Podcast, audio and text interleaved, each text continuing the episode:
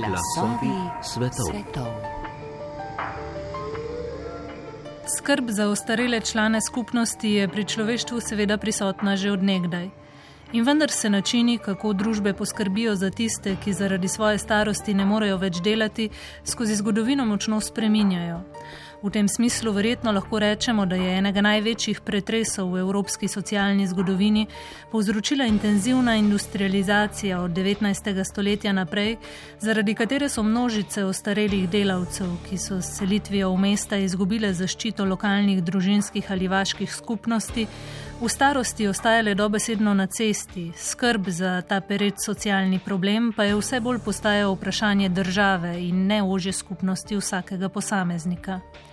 No, če se je po vrsti poskusov uvedbe nekakšnih pokojninskih zavarovanj, ki pa dolgo niso vključevala vseh delavcev, zdelo, da je po drugi svetovni vojni vzpostavljeni univerzalni pokojninski sistem dokončno rešil vprašanje, kako ostarelim omogočiti dostojno življenje tudi v moderni industrializirani družbi, pa se je v zadnjih desetletjih pokazalo, da nas tudi ta pokojninski model morda ne bo spremljal večno. O tem, s kakšnimi težavami se evropski pokojninski sistemi v luči spremenjenih demografskih in ekonomskih razmer srečujejo v času od konca hladne vojne, zakaj so nacionalne države na področju socialnih politik v tem času vedno več moči prepustile zunanjim nadnacionalnim institucijam, ter kakšne pokojninske modele so te institucije narekovale v različnih obdobjih, bomo v tokratnih glasovih svetov govorili s poznavalcem evropskih socialnih politik, dr. Igorjem Guardjančičem, asistentom na oddelku za politične vede, pravo in mednarodne odnose na Univerzi v Padovi. Igor Guardjančič, lepo pozdravljeni. Dobro dan, hvala lepa za vabilo. Torej, omenila sem, da se nekako po drugi svetovni vojni v Evropi vzpostavijo te univerzalni um, pokojninski modeli, ki v zadnjih uh, desetletjih doživljajo vse več reform, ampak preden se nekako posvetiva vprašanju, kdaj in zakaj se pojavijo potrebe po spremembah tega sistema, bi vas morda prosila, da na, da na kratko urišete, za kakšen model pravzaprav sploh gre in v kakšnem zgodovinskem kontekstu je nastal. Zanimivo se mi zdi, da eh, pravzaprav po drugi svetovni vojni relativno podobne pokojninske sisteme uvajajo tako desne kot leve vlade in konec koncev tako um, vlade na, v Zahodnji Evropi kot socialistične države. Zdaj anglosaksonski svet je morda malo ločena zgodba. Uh mhm. -huh. Točno tako. Ja, to je Obstajata pravzaprav, kot ste točno rekli, dva različna modela v Evropi. In uh, oba delujeta ali sta vsekakor delovala do pred uh, par desetletij na principu tako imenovanem uh, pay as you go. To je princip sprotnega plačila pokojnin. Ne? In to je ne na naložbah, kot so naprimer naložbe v delnice in obveznice in tako dalje v pokojninskih privatnih skladih.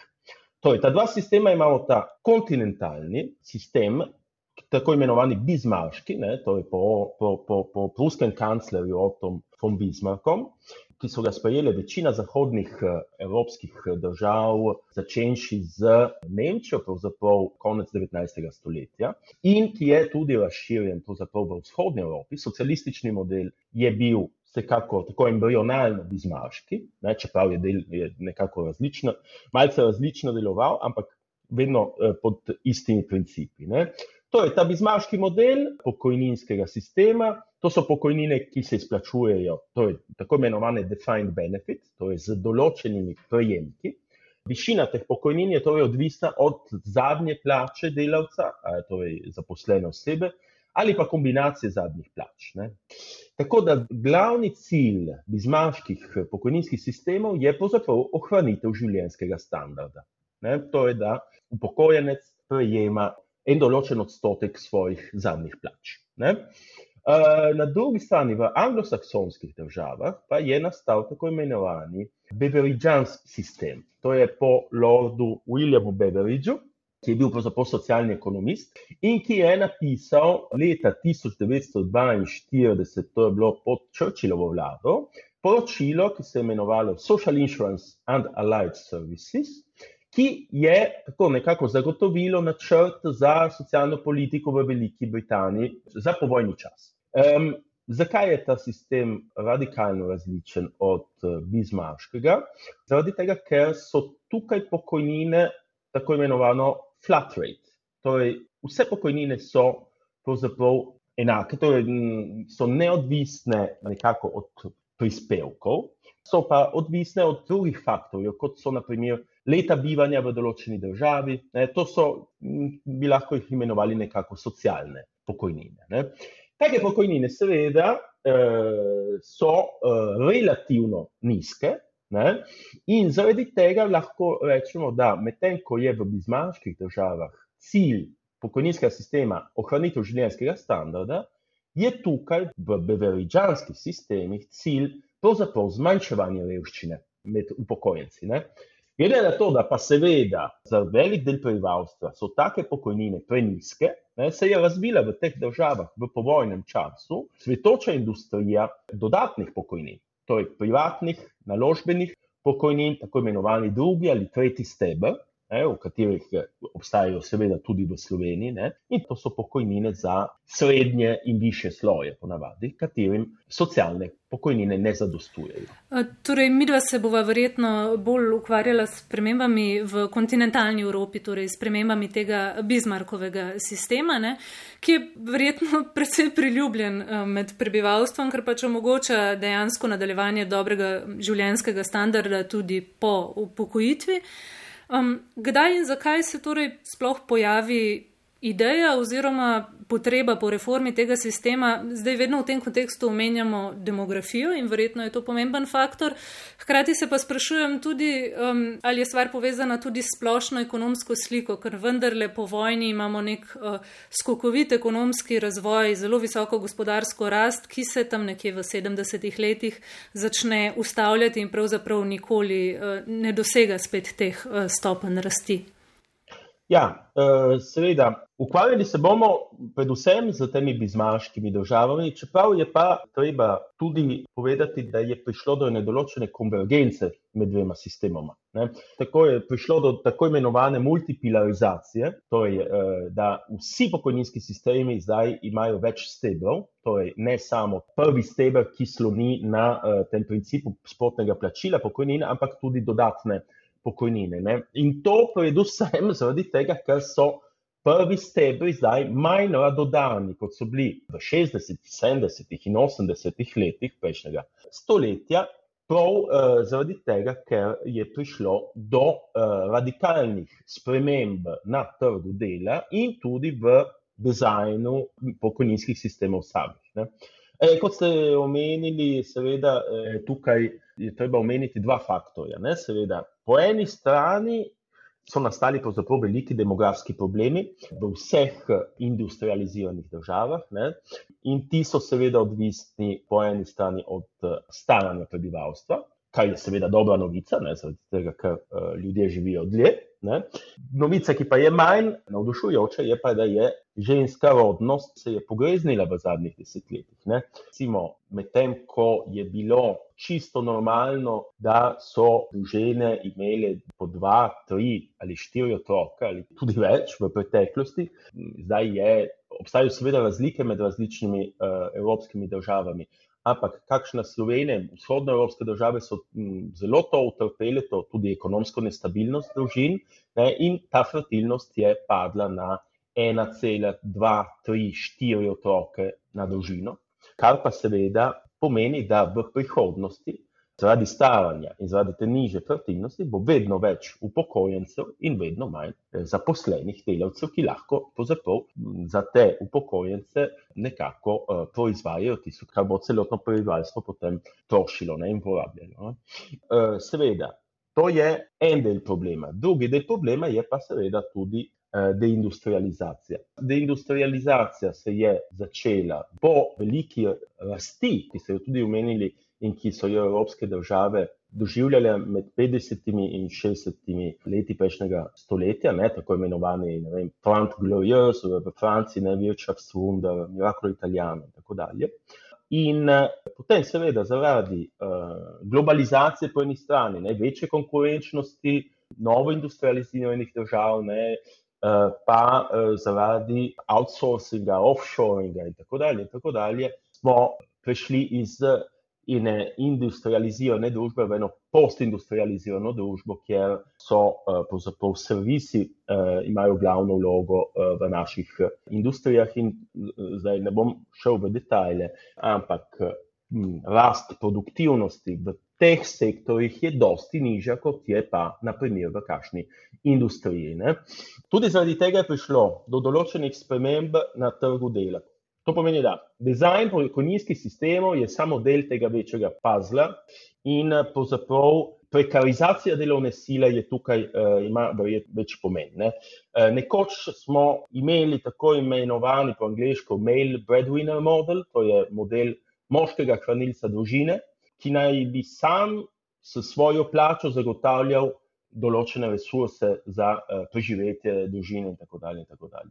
Tak model pa je slonel na standardnih delovnih razmerjih. To so pogodbe o zaposlitvi, seveda za nedoločen čas, torej ki so imele določene kolektivne pravice, socialne pravice in tako dalje, in ki so potem tudi v prihodnosti zagotavljale zelo spodobno in radodarno pokojnino.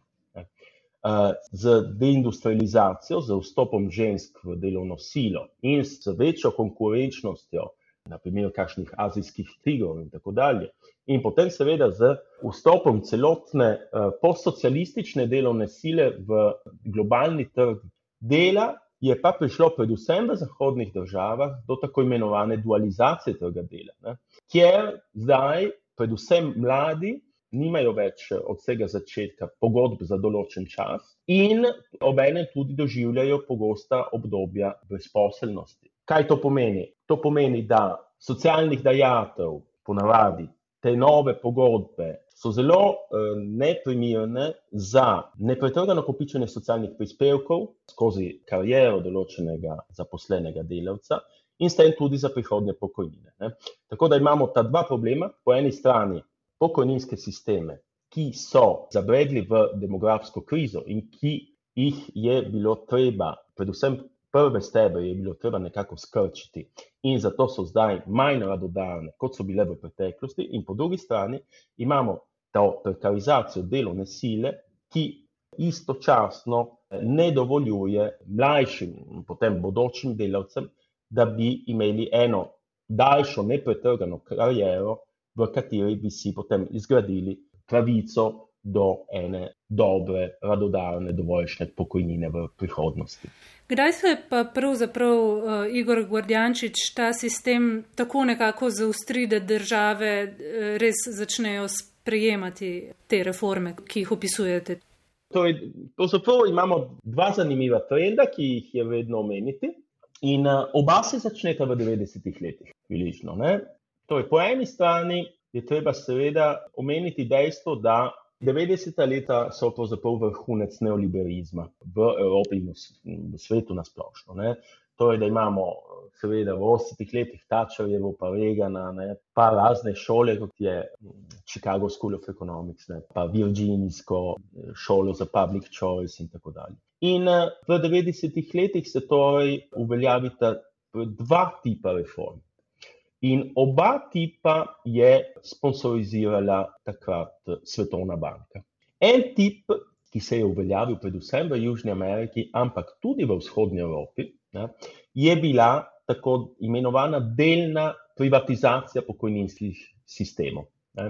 Ta se je pravzaprav začela že leta tisoč, mislim, ta trend se je prvič pojavil leta tisoč devetsto enainosemdeset v Čileju pod Augustom Pinochejem. Njegov minister za delo, če se ne motim, Jose Piñera, je bil iz te čikaške ekonomske šole, ne. In to je bila prva država, ki je niti ne delno, ampak celotno privatizirala svoj pokojninski sistem. Torej, nastali so samostojni naložbeni skladi, ki so nekako nadomestili javni pokojninski sistem, ne. Torej takrat se je to izgledala odlična ideja, ki naj bi bila potem tudi rešitev tega demografskega sistema, ker bi te naložbe pol bile neodvisne od trga dela, ampak raje od finančnih trgov. Potem je to, to je tudi s teoretskega vidika zgrešeno, ampak No, takrat je izgledalo to zelo perspektivna rešitev ne? in Svetovna banka je to potem promovirala z eno pomembno publikacijo leta 1994, ki se imenuje Averting the Old Age Crisis, ne? kako se bomo rešili ne, te demografske krize, ki sta jo napisali dve ekonomistki, Estelle James in Louise Fox, tako imenovane California Girls. In uh, ta delna privatizacija se je potem močno razširila v Južni Ameriki, v Argentini, Mehiki in tako dalje, ampak tudi v vzhodnji Evropi. Torej, skoraj vse države, Slovenija je ena izmed redkih, redkih izjem temu trendu. Ne. Torej, recimo Srbija, Slovenija, pa še nekatere druge države, Albanija, so pravzaprav izjeme. Vse ostale, vključno s Hrvaško, eh, Mačarska, Poljska, Slovaška in tako dalje, in tako dalje, so nekako vse sledile tem eh, nasvetom Svetovne banke tudi zaradi tega, ker je uh, Svetovna banka trenirala in, in poslala nekatere izmed najboljših njenih ekonomistov v te države. Ne? Seveda, in je prišlo potem do te delne privatizacije. Ne? Tudi v nekaterih državah, kjer je to pravzaprav pravi absurd, zaradi tega, ker ni nobenega finančnega trga, ki bi lahko tako drzno operacijo eh, nekako podpiral. Tako da imamo eno skoraj popolno privatizacijo v kažem Kazahstanu ali pa v Kosovu. Ne? Um, drugi trend, lahko potem tudi seveda govorimo o tem, če je ta model še vzdržen ne? in kaj se je potem zgodilo. Ampak bom pa še uvedel drugi trend, ki se je začel v 90-ih letih, spet ga je Svetovna banka promovirala in to je pa radikalna sprememba prvega stebra pokojninskih sistemov. Pravzaprav sistem ostaja pay as you go, torej sedajni prejemki še vedno plačujejo sedajne pokojnine, ne? ampak se ta stebr uh, preoblikuje iz sistema, ki sloni na določenih prejemkih, tako imenovano defined benefit, v stebr, ki pa sloni na določenih prispevkih, to je defined contribution. In ti sistemi se imenujejo notional defined contribution systems, to bi naj bi bili uh, nocionalni ali virtualni sistemi, ki, ki delujejo na določenih prispevkih. Kaj pomeni to? To pomeni, da če ti uvedeš tak sistem, je potem tvoja pokojnina odvisna le od prispevkov, od teh socialnih dajatev, ki si jih ti prispeval v karieri, in ne več od kombinacije prejšnjih prejemkov, torej plač. Tako da, če zaradi katerih koli problemov, ki naj bi jih neka zaposlena oseba imela v svoji karieri, kakšna brezposelnost ali pa tudi um, kakorkoli, da se rodiš otroka za ženske in tako dalje, je zelo možno, da tvoja pokojnina bo tudi odražala vse te luknje v prispevkih določenega zaposlenega delavca. Ne? In se bo potem tudi sorazmerno in kar radikalno znižala. Ne? Seveda, ti sistemi so fiskalno izredno vzdržni, ne, torej zaradi tega, ker uh, slonijo na tem, kar smo pravzaprav noter plačali, in zelo malo, zdaj, sploh niso radodavni, ne glede tega. Um, treba pa je tudi reči, da malo držav je uh, sprejelo tako radikalno spremembo v prvem stebru. Naprimer, tak sistem je uvedla Poljska, je uvedla Latvija, Italija, Švedska, na švedskem seveda vse deluje perfektno, ampak v drugih državah pa ne. Uh, tako da tako skrajnih rešitev uh, je bolj malo. Uh, večina držav se je odločila za kakšno srednjo pot. Ne? Tako da so uh, preračunavanje pokojnin je zdaj, na primer, bazirano na daljšo delovno dobo, na večje število let, tako da si lahko vsekakor pričakujemo, da bodo te pokojnine uh, relativno nižje v bodočnosti kot eh, so bile v preteklosti. Ne. Torej, pokojnine, ki ti zagotovijo 90 odstotkov eh, zadnje tvoje plače, to je to zdaj, eh, tega ne bo. Nikoli več, verjetno v nobeni državi. Eh, zdaj, omenili ste nekako že sproti, da ta model, ki ga je nekaj časa propagirala Svetovna banka, torej eh, privatizacija pokojninskega sistema, da se nekako ni izkazal za najbolj uspešnega.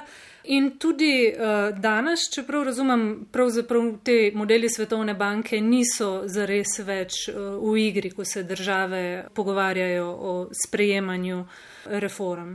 Kakšni so torej bili ti rezultati, zakaj se to ni skazalo za uspešno? Predstavljam si, da je tukaj neko vlogo odigrala tudi um, svetovna finančna kriza, ki je nekako razblinila vero v te finančne trge.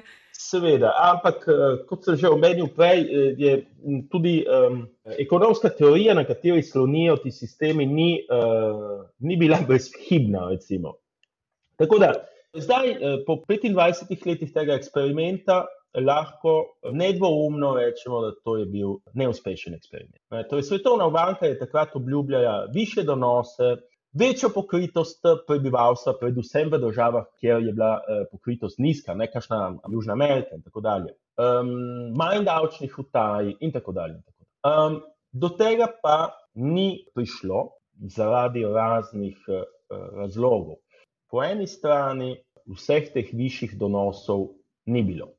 Torej, uh, menedžeri privatnih skladov so tirjali preveč uh, visoke pristojbine, ki so potem znižale bodoče dohodke iz teh eh, skladov. Ne.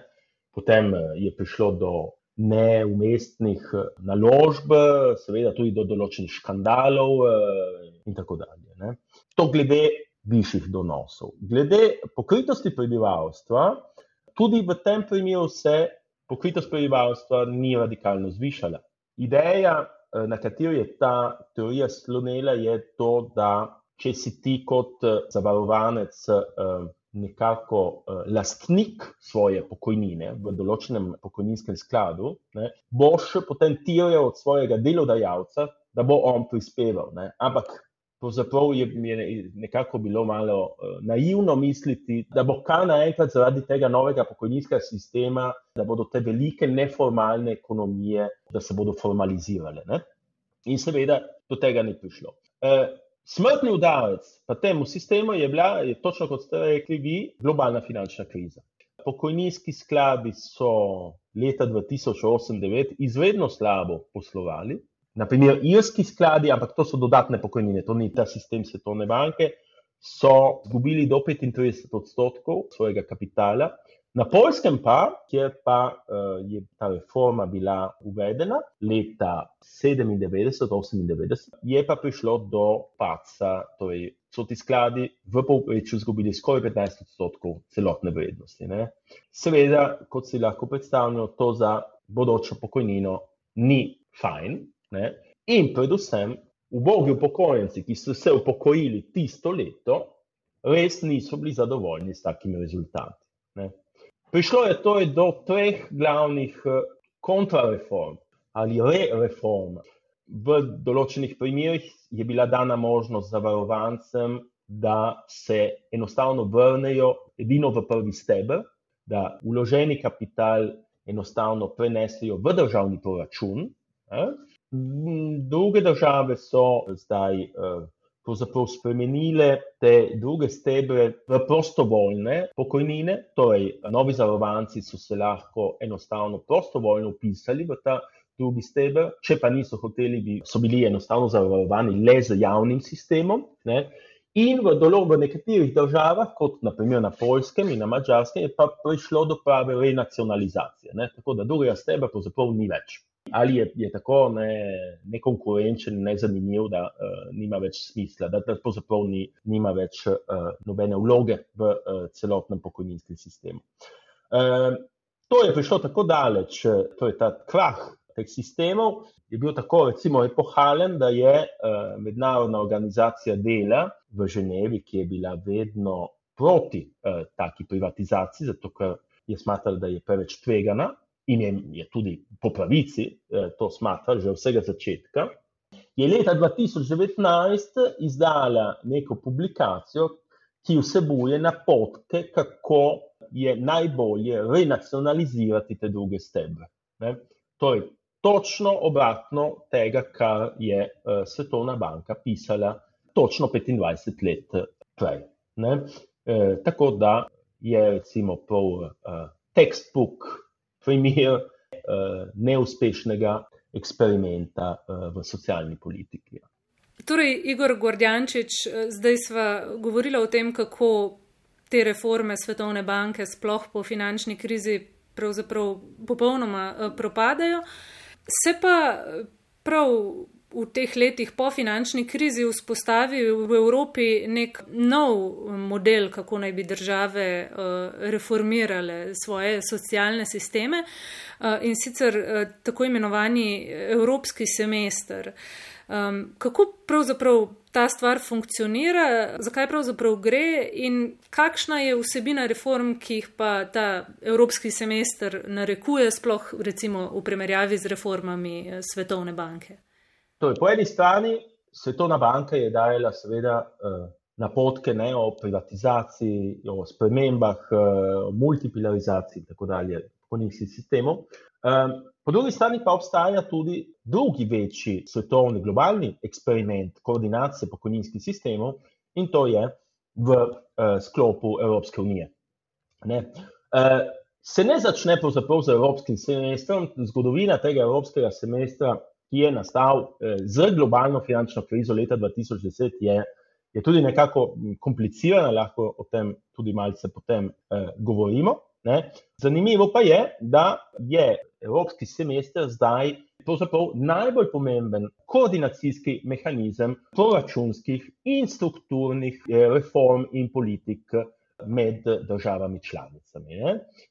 Kaj je zanimivo? Iz eh, tega juridičnega, torej pravnega vidika, je zanimivo, tega, ker evropske pogodbe ne dajejo Evropski komisiji, to je Evropski nekako eh, nadnacionalni vladi, ki ne dajejo pravnih kompetenc, da bi se ona neposredno ukvarjala s socialnimi zadevami in med temi tudi s pokojninami. Ne. Nastalo pa je, predvsem po tej svetovni finančni krizi, je pa nastala potreba po večji koordinaciji teh politik, predvsem med članicami ekonomske monetarne unije, torej v eurozoni, ampak tudi med ostalimi. Ne. Torej, kako pa pravzaprav to zgleda? Evropski semester nastane leta 2010, je nekakšna nadgradnja prejšnjih koordinacijskih mehanizmov, predvsem recimo tega pakta za stabilnost in rast, ki je bil nastavljen leta 1997. Evropski semester sloni na določenem številu dokumentov in vsak od teh dokumentov ima potem eno pomembno vlogo pri koordinaciji vseh teh raznih politik, vključno z pokojninami. Ne. Torej, novembra Evropska komisija izda tako imenovan Annual Growth Survey, to je nekako letno poročilo o rasti, ki vsebuje glavne smernice za razne reforme in razvoj Evropske unije, to je držav članic Evropske unije. Uh, potem pa zadeva postane bolj specifična. Ne? Torej, vsak maj potem komisija izda tako imenovane country specific recommendations, to so pa priporočila za posamezne države članice, ki vsebujejo potem izredno detaljne napotke za vsako članico, tudi o tem, kako urediti njen pokojninski sistem. Potem ta priporočila odobri začetek julija svet Evropske unije, potem se začne tako imenovani nacionalni semester, kjer države članice same se odločajo, ali bodo uvedle, ali do kolikšne mere bodo uvedle reforme in se bodo uh, držale teh priporočil. Uh, naslednje leto pa spet Evropska komisija izda tako imenovane country reports, to so nekakšna poročila za vsako uh, državo članico, kjer detaljno oceni, kaj so pravzaprav države članice naredile leto prej. Ne? Zdaj, če pogledamo ta uh, splošen dokument, ki ga komisija potem izdaja vsako, to je že desetkrat, ne? od leta 2011 naprej. Prvi ta Annual Growth Survey je predal pet različnih splošnih napotkov glede pokojninskih sistemov. Ne. Prvi napotek, torej prvo uh, priporočilo, je, uh, bi rekel, kar radikalno. In je pravzaprav povezovanje upokojitvene starosti s pričakovano življenjsko dobo. To pomeni, uh, priporočilo je, da države članice nekako depoliticizirajo pokojninski sistem, Eh, s tem, da torej, določene upokojitvene starosti postane avtomatično in da pravzaprav ni več odvisna od uh, politikov samih. Obstajajo različni načini, kako to uvesti. Zanimivo je, da torej, uh, moji podatki do leta 2019 je, da kar 14 držav članic Evropske unije je uvedlo en ali pa drugi takšen podoben sistem, ki nekako to starost povezuje z uh, pričakovano življenjsko dobo. Ne. Drugi napotek komisije je seveda uh, zmanjšanje zgodnjega izstopa iz trga dela.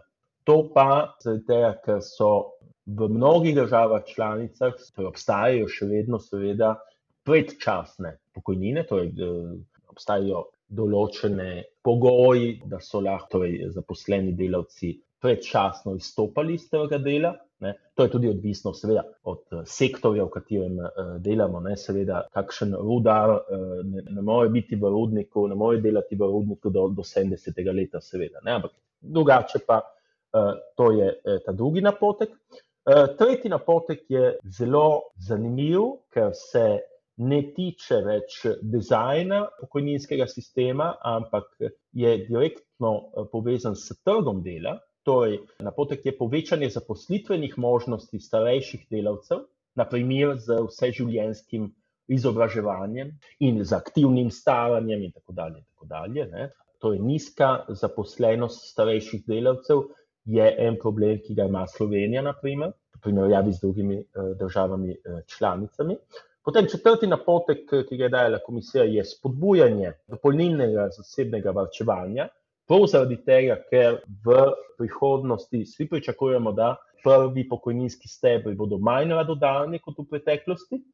In zadnji napotek pa je, no, to je bolj tehnične narave, je dokončanje enotnega trga v smislu socialne varnosti. To pa so tašne, naprimer, koordinacija pokojninskih sistemov, ne, recimo, da čezmejni delavci, uh, da imajo iste pravice kot uh, domači delavci, ne? ali pa da uh, ne vem, takšen nemški pokojninski sklad lahko svoje storitve tudi v, v Sloveniji ali kje drugje ponuja in tako dalje. In tako dalje to so torej tile, te pet napotkov, ne, je, je dala komisija, potem v raznih uh, priporočilih za posamezne države, potem pa je uh, bila vedno komisija tudi dosti bolj specifična. Dober primer je populistična vlada med Lego in gibanjem pet zvest v Italiji, ki je radikalno znižala to pokojninsko dobo. Komisija je enostavno napisala, da mora eh, te reforme nekako izničiti in se vrniti na prejšnji pokojninski sistem. Tako da je, eh, da je lahko tudi to zelo detaljno. Ampak eh, Igor Gordjančič, zdaj ste rekli, ne, eh, vlada je potem kar spremenila svojo odločitev zaradi teh priporočil Evropske komisije. Um, koliko je torej ta instrument obvezujoč in kako to, da so se države sploh pripravljene podrediti nekemu nadnacionalnemu inštrumentu, konec koncev gre za politiko socialne države, ki naj bi nekako bila v suvereni pristojnosti um, vsake države njenih izvoljenih predstavnikov. Mhm. Um, kako je lahko sploh do tega prišlo?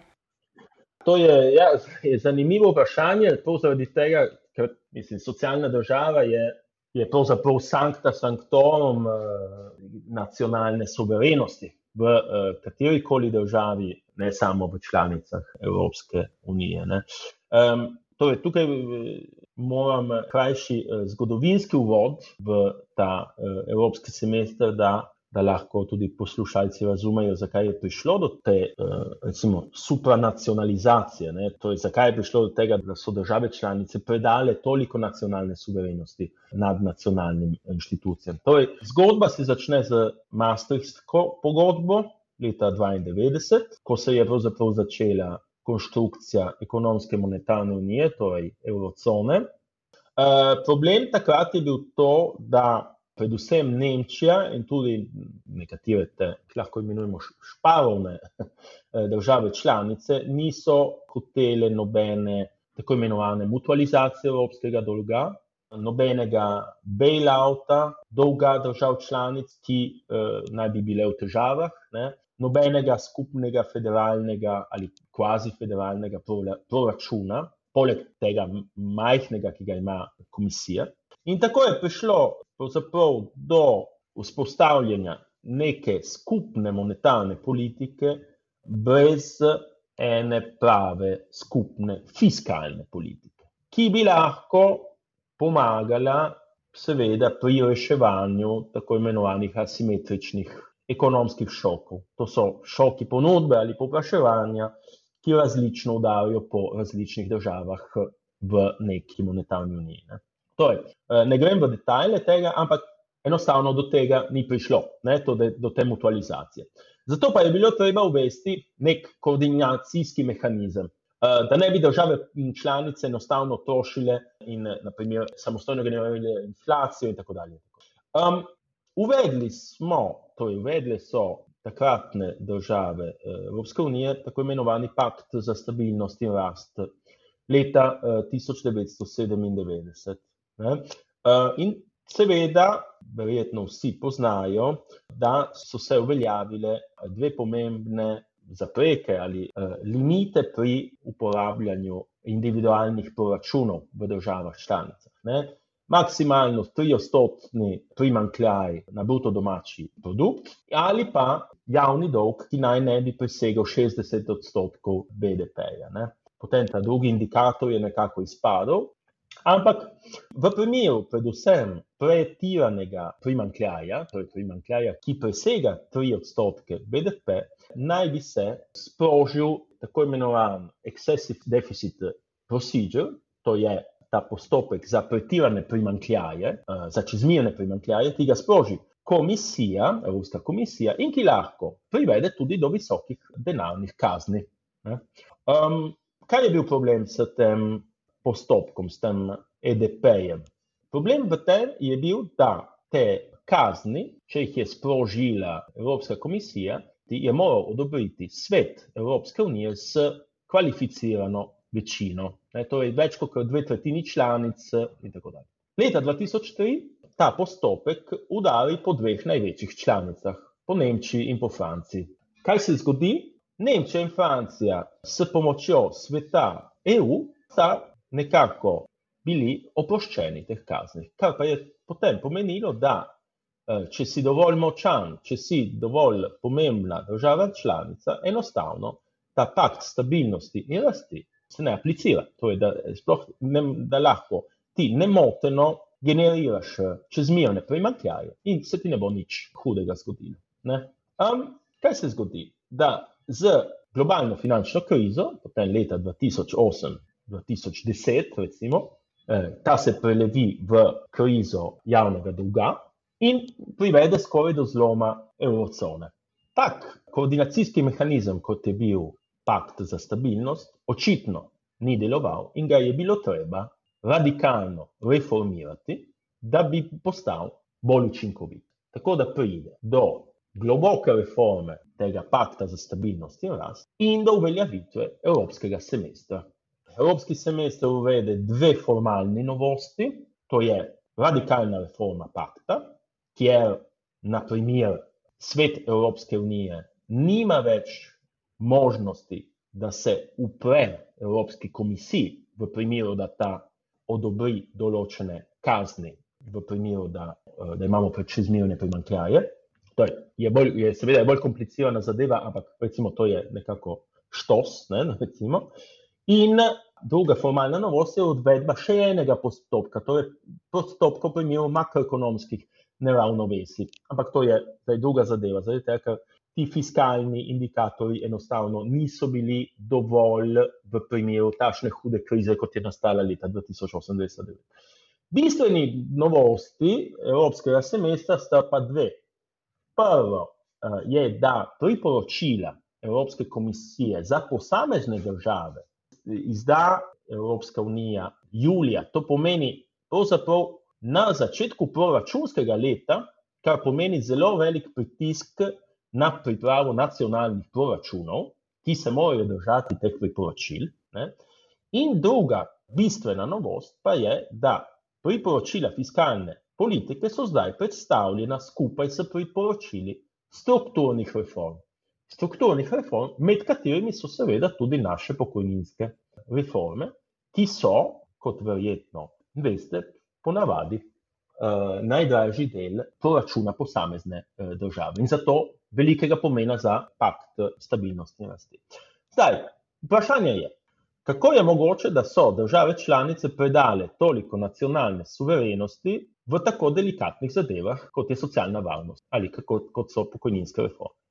No, v tistih kriznih letih, ko se je svet Evropske unije odločil za te globoke reforme z raznimi zakoni, six-pack, two-pack, fiscal compact in tako dalje, vsi ti novi zakoni so bili rezultat izredno globokega nezaupanja med državami članicami, upnicami in državami dolžnicami v Evropski uniji. Ne?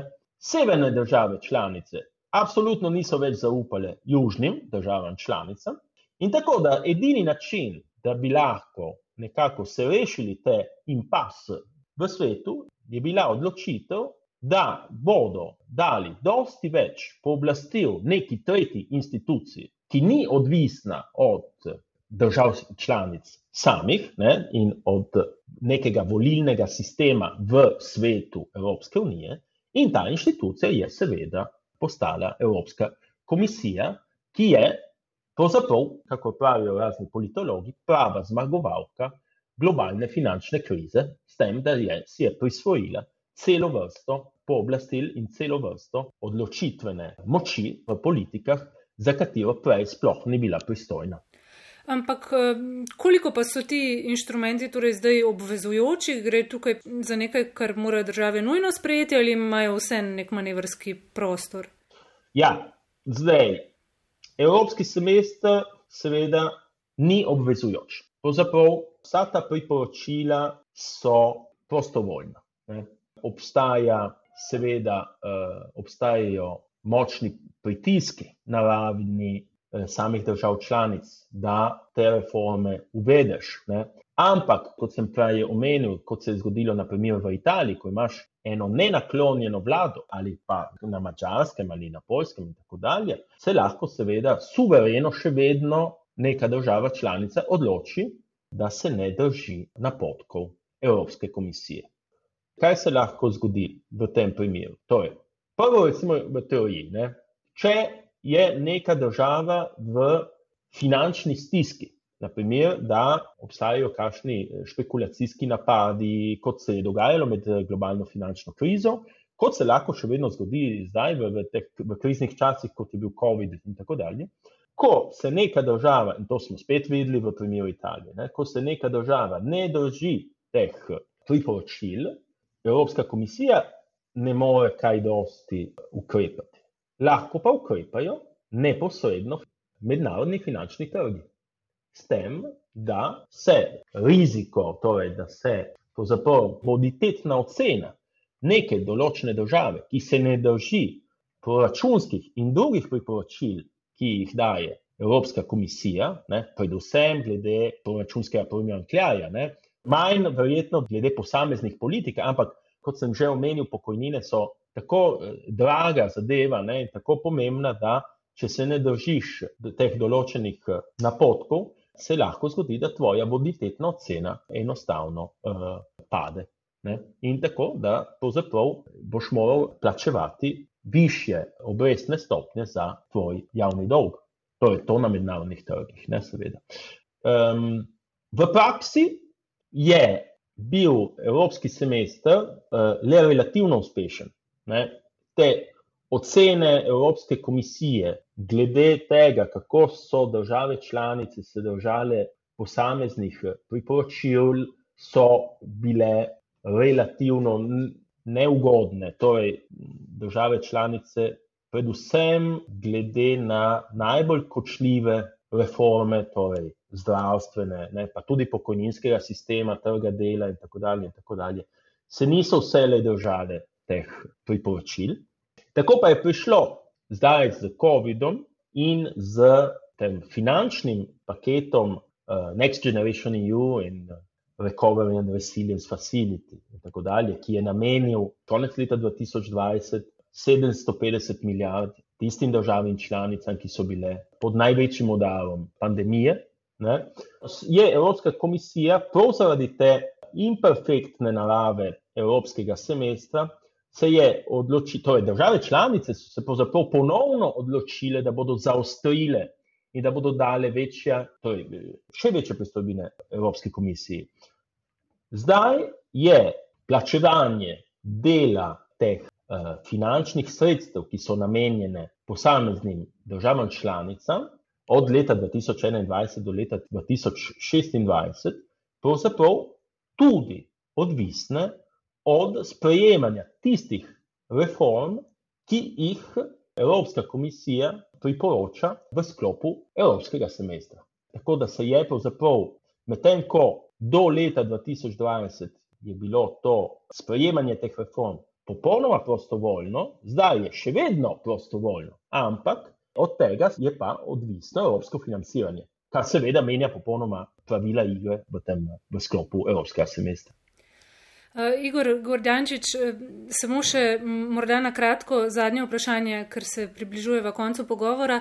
Um, torej, zdaj smo govorili o tem, kako na vlade pravzaprav vplivajo po eni strani Evropska komisija, ki ni neko, vsaj ne neposredno izvoljeno telo, ne, pa uh mhm. -huh. po drugi strani mednarodni finančni trgi, ki tudi na noben način niso zavezani državljanom držav. Uh -huh. um, in po drugi strani vse te reforme, o katerih govoriva, dobro, mogoče niso vsebinsko tako nekako brutalne kot reforme v 90-ih, ki jih je narekovala Svetovna banka, ampak kljub vsemu vse predvidevajo neko nižanje življenskega standarda in tako naprej. Torej, um, razumem po eni strani, da pač je demografija neko neobhodno dejstvo in tako naprej, da, da verjetno ne moremo pričakovati takih pokojnin, kot so bile.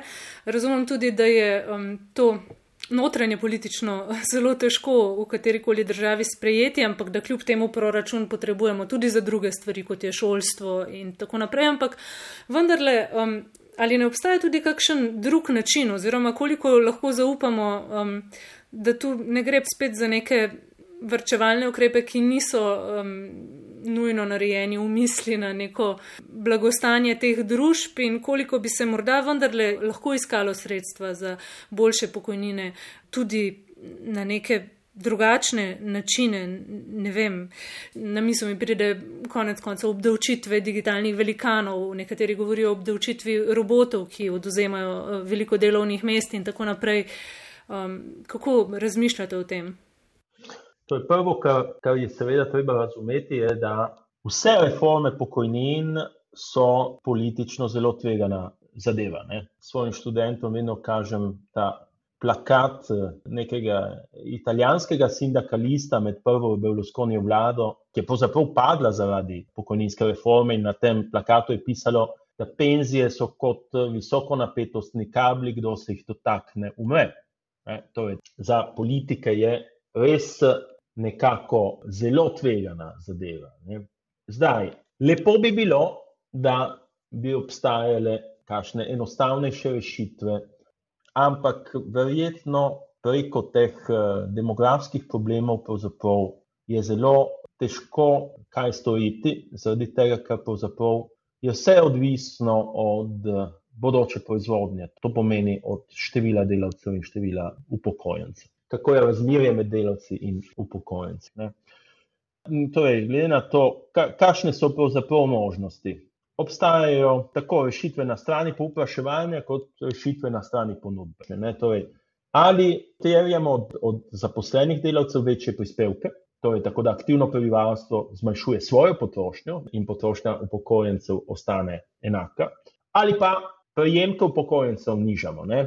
To je stran povpraševanja. Seveda, tega se politiki zelo bojijo. Um, na strani ponudbe pa obstaja cela vrsta možnosti, ne, ne, torej indirektnih, ne, da povečamo bodočo proizvodnjo. To je povečanje količine, kakovosti in alokacije osnovnega kapitala, boljše investicije, boljše naložbe in tako dalje.